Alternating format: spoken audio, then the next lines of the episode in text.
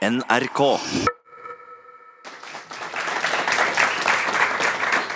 Hei eh, og velkommen til Oljeduell her på Litteraturhuset i Trondheim. Eh, Mitt navn er Jo Skårderud. Jeg er journalist i avisen Klassekampen. Og jeg skal lede kveldens debatt, hvor vi skal diskutere, diskutere leterefusjonsordningen. I dag så er det sånn at selskaper som leter etter olje og gass på norsk sokkel, de får refundert 78% av leteutgiftene fra staten. Finner de olje, så må de betale 78% av overskuddet tilbake til staten. Tilhengerne mener dette er en fornuftig og effektiv måte å utvinne sokkelen på, mens kritikerne mener ordningen bidrar til at ulønnsomme brønner blir boret, og at oljefelt uten livets rett blir åpnet fordi staten tar regninga. De mener også at det staten driver med, er ulovlig subsidiering av oljebransjen. I februar så klaget klimaorganisasjonen Bellona leterefusjonsordningen inn for EØS-avtalens overvåkningsorgan ESA for brudd på EUs regler om fri konkurranse. Eh, vi vet ennå ikke utfallet av den klagen, men i kveld så skal vi i hvert fall finne ut hvem det er som har rett. Eh, og For å få til det så har vi invitert Lars Haltbrekken, som er stortingsrepresentant for SV og tidligere leder av Naturvernforbundet. Og vi har invitert Erik Haugane, administrerende direktør i oljeselskapet Okea og tidligere vinner av Norsk Petroleumsforenings pris. Jeg tenker vi starter kort med å finne ut hvor frontene står. Eh, Så jeg vil spørre dere begge. Er leterefusjonsordningen tidenes subsidie, eller er det en ryddig måte å fordele risiko mellom staten og oljeselskapene? Vi kan starte med deg, Lars Haltbrekken, veldig kort. Det mest interessante er ikke om det er en subsidie eller ikke, men det er en forferdelig gunstig ordning for eh, oljeindustrien, som innebærer at det er staten som tar den økonomiske risikoen. Og så kan en spørre seg om hvor smart det er i ei tid hvor vi skal fase ut bruk av kull, olje og gass. Men er det en subsidie? Ja, det er en subsidie, og det har også statsministeren sagt. Lars, nei, jeg mener Erik Haugane, hva tenker du? Jeg tenker at Det er en kjempefornuftig ordning for eh, samfunnet, og eh, selvfølgelig ikke en subsidie.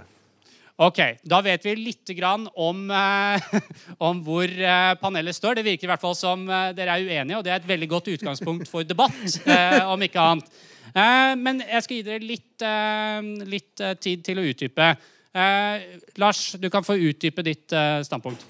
Jeg skal utdype det med et eh, eksempel. Vi hadde et oljeselskap i Norge som starta opp i 2007, eh, North Energy.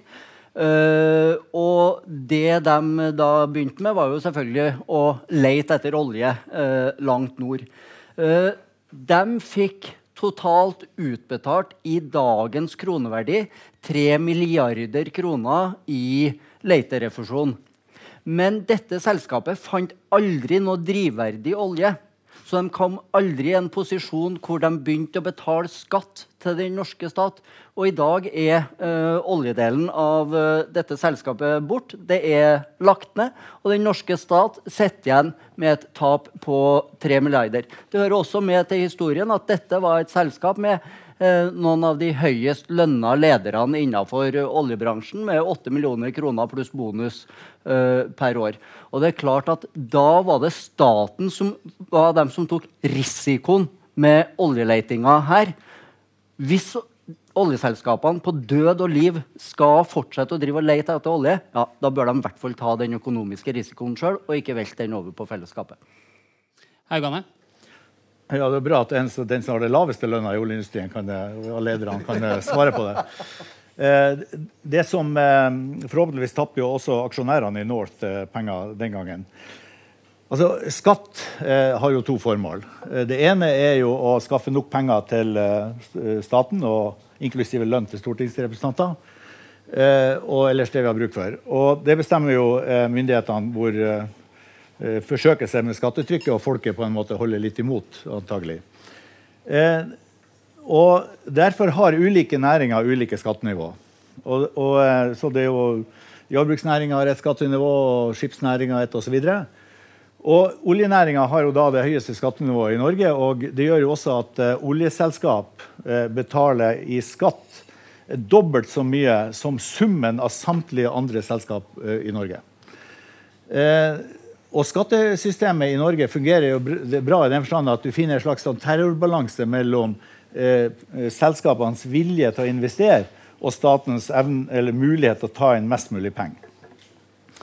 Så så, de, så der mener faktisk man i Norge helt siden 1972 når dette ble etablert, har funnet den slags balans, ter, den terrorbalansen. Ja, vi får bra med penger ut.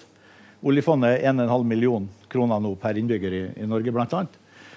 Eh, så er det andre effekten av eh, skattesystem som er, er, poenget her. Det er nemlig den oppdragende delen av skattesystemet. Man gjør også ting eh, med skattesystemet for å oppdra folk til å handle på en bestemt måte. Og Poenget da med leterefusjon er at mens Shell og Esso og, og Statoil for så vidt, og de store selskapene som tjener penger mens de holder på å, å, og, og lete eller gjøre andre ting, eh, de fører jo til kostnad øyeblikkelig hvert kvartal alle sine letekostnader. Så hvis det er 100 millioner kroner som er kostnaden for å, din andel for å bore en brønn, så betaler Statoil hvert kvarter, kvartal ikke kvarter, men kvartal, eh, 22 millioner de. Og da så jo myndighetene i den tida man drev og krangla om hvor store selskap vil ha ned skattetrykket, så eh, så myndighetene at eh, det her var jo vanskelig. For da nystartsselskap, oppstartsselskap, de måtte betale den 100 millioner sjøl. Og det å finansiere da 100 millioner i forventning om å tjene penger på de 22 millioner som var igjen, ble at ingen gjorde sånne investeringer. Og Dermed så introduserte man den leterefusjonordninga som er provenynøytral. Dvs. Si at staten får like mye penger igjen. Også i gammelordninga ville North uh, ha fått uh, penger igjen når de avvikla. Ikke årlig, men til slutt. Uh, sånn at de, Staten introduserte en ordning som ikke har noe betydning for inntektene til oss i samfunnet. Men samtidig gjorde det mulig for oppstartsselskap, nyselskap å komme inn til norsk sokkel og delta i letevirksomheten på linje med de etablerte. Haltbrekken. Det som var Grunnen til at man introduserte denne leterefusjonsordninga i 2005, var jo at man ville ha et større mangfold på sokkelen. og Det kunne være gode grunner til det.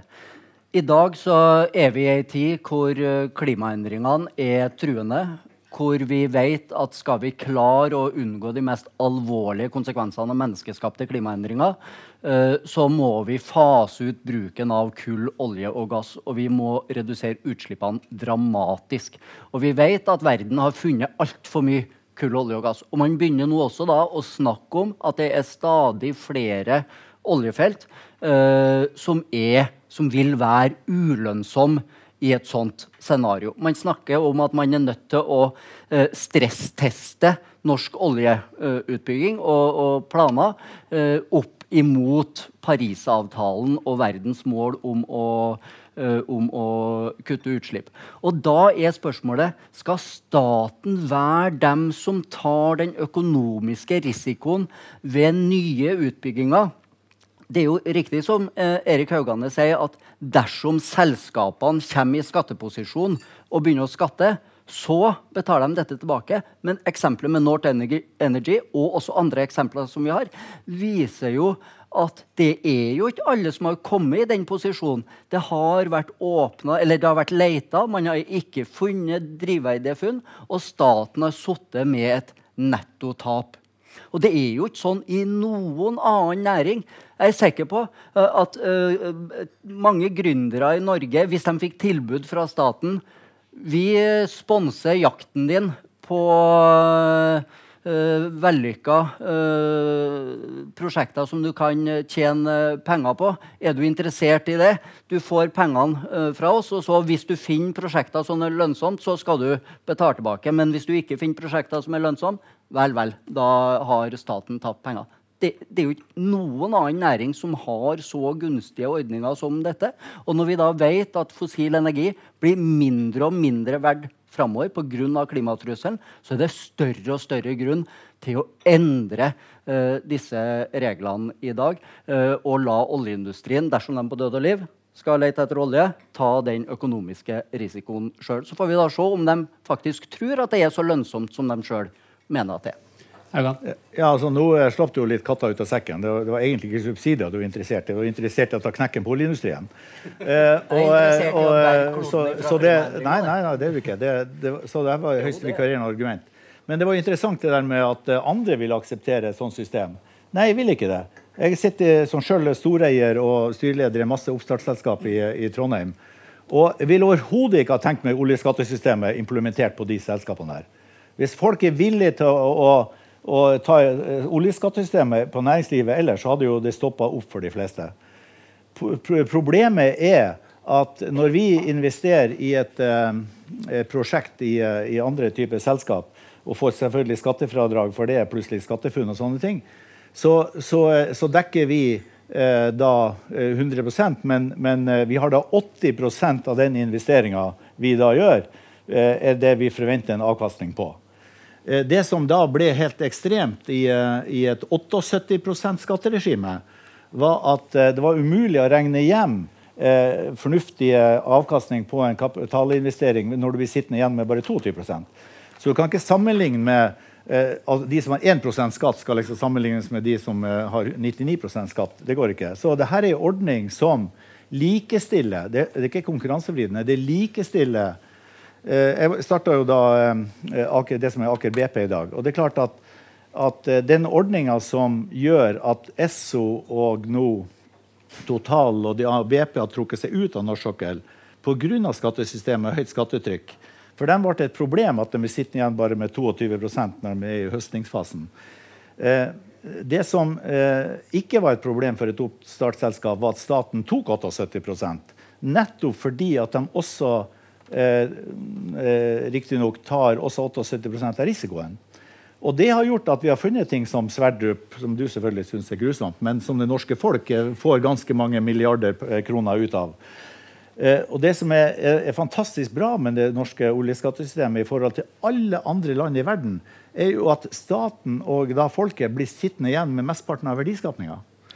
Men, men, la meg utfordre deg på en, en ting. Da, for Du sier at jeg slipper katta ut av sekken. Jeg mener at klima er utgangspunktet for denne diskusjonen. Eh, det er derfor vi har hele eh, denne diskusjonen. Eh, og med de klimaendringene som nå truer verden, som vi vet er menneskeskapt, hvordan ser du da på framtida til den fossile industrien, når vi vet at utslippene må kuttes dramatisk?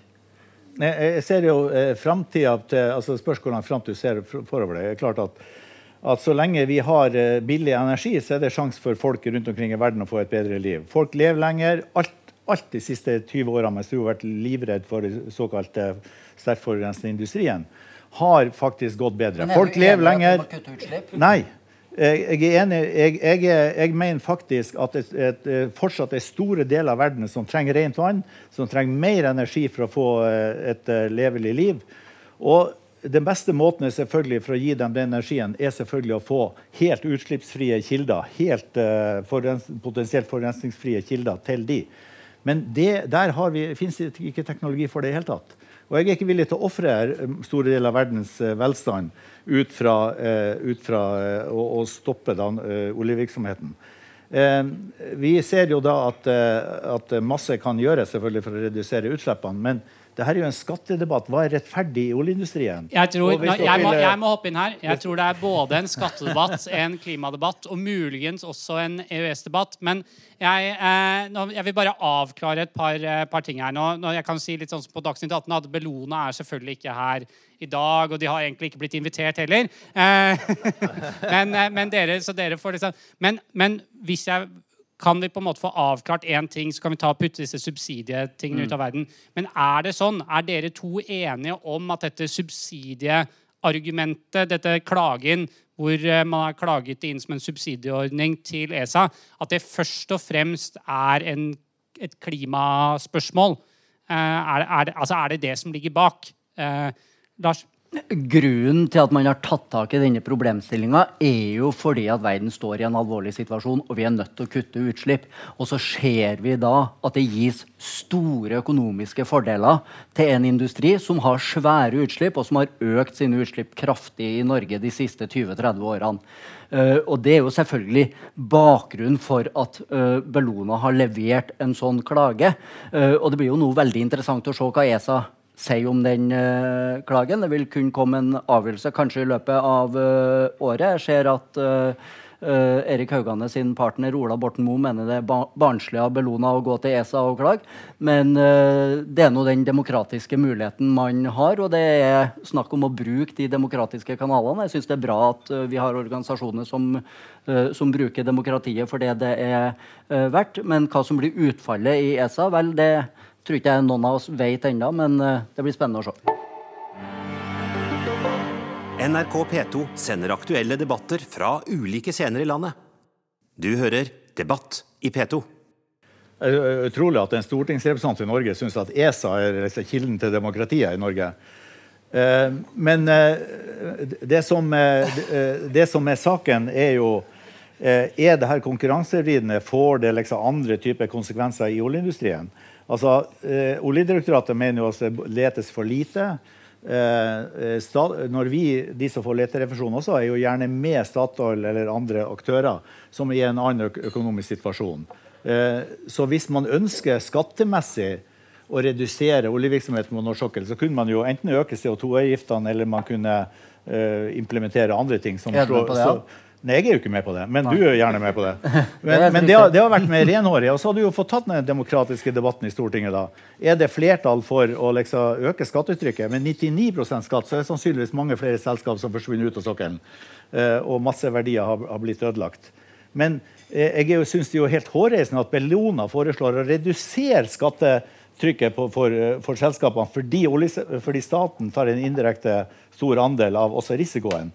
Det, jo, det vil jo store oljeselskap som, eh, som vi er på norsk sokkel, vil jo juble fantastisk for det at de fikk lov til å hente ut mer eh, av verdiene ut av Norge med å redusere skattetrykk. Jeg synes det var en genial løsning. at Oppretthold skattetrykket, finn ordninger som opprettholder konkurransen. Da vil jeg en, la, en kort kommentar fra deg, Lars, og så har jeg et spørsmål. Men nå, nå, er det jo sånn at Vi diskuterer jo alle de andre tingene også. Vi diskuterer jo økt CO2-avgift. Den gangen da CO2-avgiften kom i Norge, Norge var det første land i verden som innførte det, så skreik jo oljeindustrien og bar seg at dette kom til å være øh, øh, dommedag og, og, det som verre var. Uh, uh, CO2-avgiften har faktisk funka. Vi har klart å fått begrensa i hvert fall utslippsveksten. Og så pågår det jo en diskusjon om tildeling av nye oljefelt. Det pågår en diskusjon om opprettelse av petroleumsfrie områder. Ref. Lofoten, Vesterålen, Senja, Mørebankene uh, osv. Uh, men dette er jo noe av kjernen i spørsmålet. Det er for å ta vare på de naturverdiene som er der, og det er for å sikre at Norge ikke fortsetter å pøse ut store mengder klimagasser i verden i en tid hvor verden er nødt til å nærme seg til null. Men jeg registrerer jo at du står på ditt gamle synspunkt uh, om at uh, vi ikke trenger uh, å kutte utslipp av, av klimagasser. Ja, men nå må vi være litt mer presis. Altså, tildeling av oljefelt har jo aldri skjedd på norsk sokkel. Du var tildelt et område hvor du ikke har peiling om det finnes olje der, og så må du faktisk lete for å finne oljefeltet. Hvis du har noe tildelt med eget oljefelt, så vil jeg være veldig takknemlig. Okay, da, da slipper vi rett til refusjon. Jeg, jeg, jeg, tar og stopper der, for nå vil jeg ha et Nå er vi ute vi er på store temaer og klima og skatt, og det er, det er store krefter i sving her. Men jeg vil høre fra dere begge. Hva blir konsekvensene, positive og negative, hvis vi bestemmer oss for å kutte ut leterefusjonsordningen. Si at uh, man, eh, det, ESA dømmer nord og ned, og den forsvinner. Hva blir konsekvensene? Førstemann til mølla. Nei, Det er vel at Senterpartiet får flere stemmer for å melde oss ut av hele ESA-greia. ok, Men, det, det, det, ja. men altså, dere skjønner spørsmålet mitt her. Altså, sånn, hva ville skjedd hvis vi ikke hadde leterefusjonsordninga? Hvis vi fjerna den?